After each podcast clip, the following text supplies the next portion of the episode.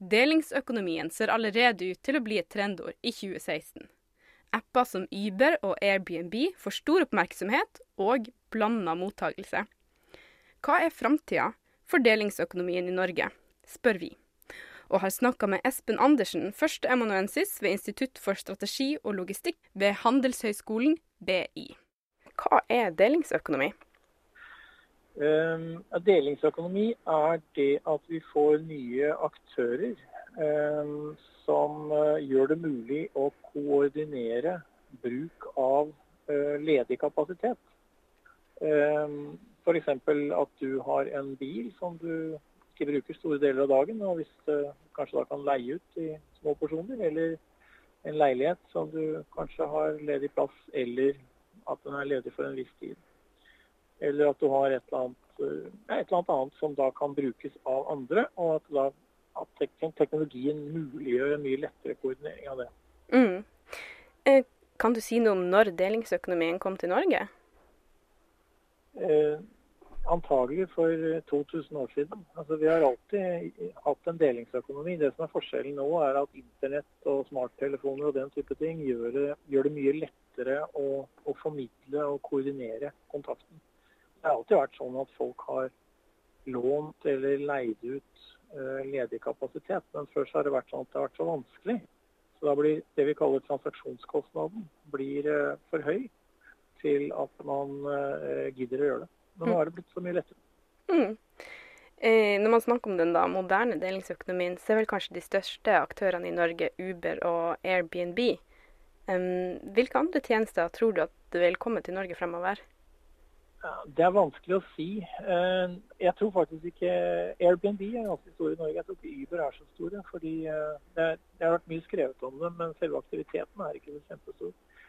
Eh, det finnes massevis av andre konkurrenter til disse, som f.eks. nabobil.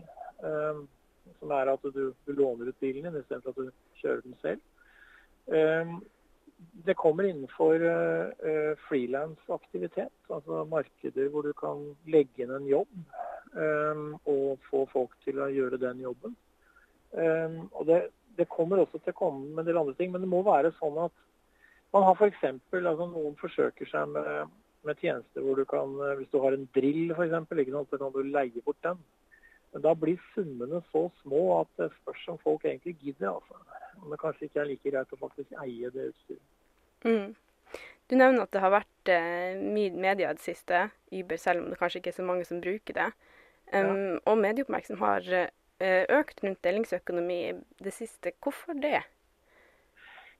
Det som skjer er at uh, i en del sammenhenger så utfordrer uh, disse nye, altså denne nye måten å gjøre det på, den utfordrer eksisterende selskaper. og Det, er derfor Uber har fått så stor oppmerksomhet. Airbnb er faktisk en mye større utfordrer på mange måter, men de er, de er i grunnen litt mer usynlige. Men, men det som skjer eh, med Uber, er at de eh, altså Når jeg skal ha en drosje, vi har fire taxiselskaper i Oslo, tror jeg. Og så ringer jeg ett av dem, så får jeg jo bare tilgang til deres biler. Mens hvis du har en sånn Uber-app, så får du tilgang til alle bilene ikke sant, som Uber har. Eh, altså, så man, man, kunne tenke seg at uh, Oslo Taxi hadde en tilsvarende tjeneste, men da måtte selskapene slå seg sammen og tilby alle sine drosjer. Og det andre er at når jeg skal ha en drosje, så ønsker jo jeg en bra sjåfør. Eh, en som er flink og serviceinnstilt. Og hvis jeg skal gjøre det nå, så må jeg bestille fra et selskap jeg tror har sånne sjåfører. Mens med Airbnb så, så forteller de meg hva andre mener om sjåføren. Så de, ved å komme inn eh, og tilby noe, så for det første mobiliserer de ledig kapasitet. Og for det andre så så gir de meg en viss trygghet, men tryggheten gis på en annen måte enn ved de tradisjonelle selskapene. Mm. Men likevel så tror ikke du at delingsøkonomien vil ta av i Norge? Jo, jeg tror den vil ta av, men eh, jeg tror ikke de spesifikke eksemplene som er nevnt. Airbnb eh, kommer nok. Og vi ser nå at det er enkelte hoteller som går over til Airbnb istedenfor å f.eks. selge gjennom hotels.com og sånne ting. Fordi det er faktisk billigere for dem å gjøre det der. Airbnb tar en tynnere margin. Uh, Uber har hatt et voldsom gjennomslagskraft i USA, men i USA er drosjetjenestene mye dårligere enn de er i Norge. Uh, drosjene i USA tar ofte ikke kredittkort, uh, og det er ofte små selskaper. sånn at du, du, må kanskje ringe mange selskaper før du finner en ledig bil. Og ofte så kan du ikke engang ringe etter en bil, du må ut og lete etter en på gaten. Um, så, så at delingsøkonomien skal ta i Norge, jeg tror den kommer til å gjøre det. Men, men som land så er vi, vi er litt for små, og vi har det litt for godt til at dette kommer til å bli en voldsom påvirkning. Mm. Du nevnte noe om at, at, Uber, grunnen til at det er for mye oppmerksomhet, det er hvordan de eksisterende næringene møter det. Um, ja. hva, hvordan har de tatt imot disse konkurrentene, både Uber, Airbnb, taxinæringa og hotellnæringa da? Hotellnæringen har jo insistert på at Airbnb ikke er noe problem for dem.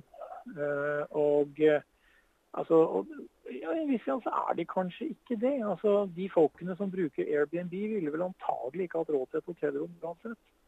Eh, for drosjene så er det slik at uh, Uber gjør det jo mulig for folk å kjøre pirattaxi. Det som før var pirattaxi. fordi du, når du får en sjåfør fra Uber, så er betalingen ordnet, og du kan stole på sjåføren. Og Det kan du jo ikke med en pirattaxi. Mm. Så, så det treffer på en måte taxinæringen mye hardere. Eh, og Derfor er det synlig. Og Det andre er at taxinæringen har operert i et regulert marked og vært vant til å ha visse rettigheter. Eh, og Nå kommer på en måte et selskap som går utenom disse reguleringene. Og, og Da er det mye lettere for taxinæringen å skrike opp, fordi de har et sted å, å henvende seg. Og Det har ikke hotellnæringen. Mm. Mange partier har ikke tatt stilling til hva de mener om f.eks. Uber. Eh, mm. Hvorfor ikke det? Eh, ja, det er det er vanskelig å ta stilling til. Altså, det er lett for enkelte partier, f.eks. de som har sterke fagforeningskontakter, å si at ja, vi må beskytte sjåførene og sånne ting. Men eh, altså, det er ikke gitt at det er så veldig mye verre å kjøre for Uber enn det er å kjøre for et taxiselskap. Så En drosjesjåfør kan jo like gjerne ta drosja og kjøre for Uber. Mm. Um, og, og, og, det er også sånn at uh, taxinæringen i Norge har hatt et litt frynsete rykte. Lite, sånn, litt dårlig skattemoral og sånne ting. Uh, delvis ufortjent kanskje, men så gjør at det er litt, de er kanskje ikke en sånn voldsomt sympatisk kunde. Mm.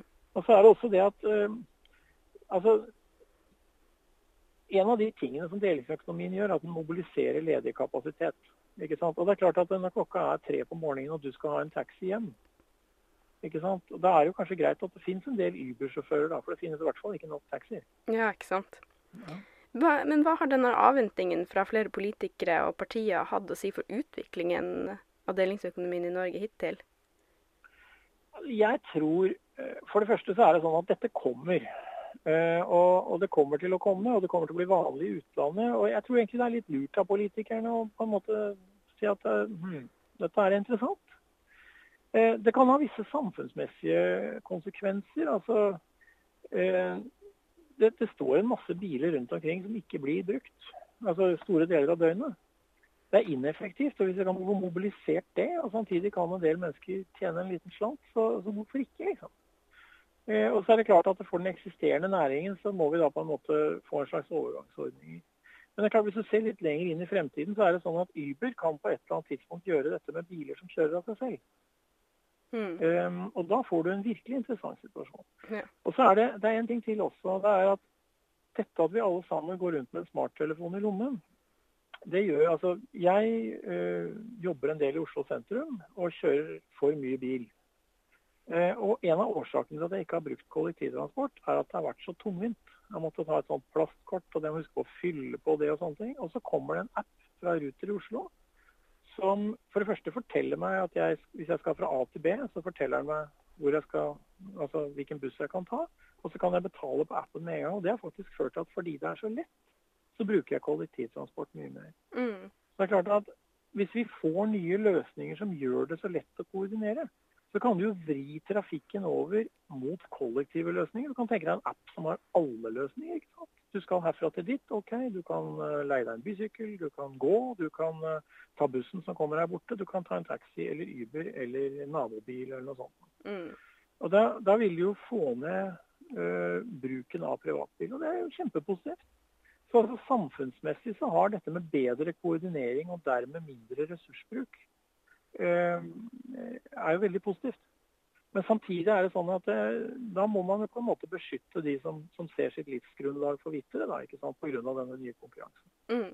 Men jeg tror det er lurt av politikerne å rett og slett si at hm, dette vet ikke, det, dette må vi tenke over. Ja. Og det vi i hvert fall ikke må gjøre, er å liksom øyeblikkelig forby det. Fordi at da får du en situasjon sånn som man fikk i England da bilene kom. Og de som drev med hestedrosjer, fikk gjennomført at det, at det skulle gå en mann foran en bil med et rødt flagg. Eh, og Det hadde man som regel i, i, noen år. Og Det eneste resultatet av det var at en engelsk eh, bilindustri og transportbruk ble forsinket. Ja, Vi får håpe vi ikke får uh, den regelen til Norge, at det skal være rødt flagg foran Uber-bilene. Um, jeg håper absolutt ikke det. Ja, det var noen uh, råd på veien. Tusen takk til deg, Espen Andersen, førsteamanuensis ved Institutt for strategi og logistikk ved Handelshøyskolen BI. Selv takk.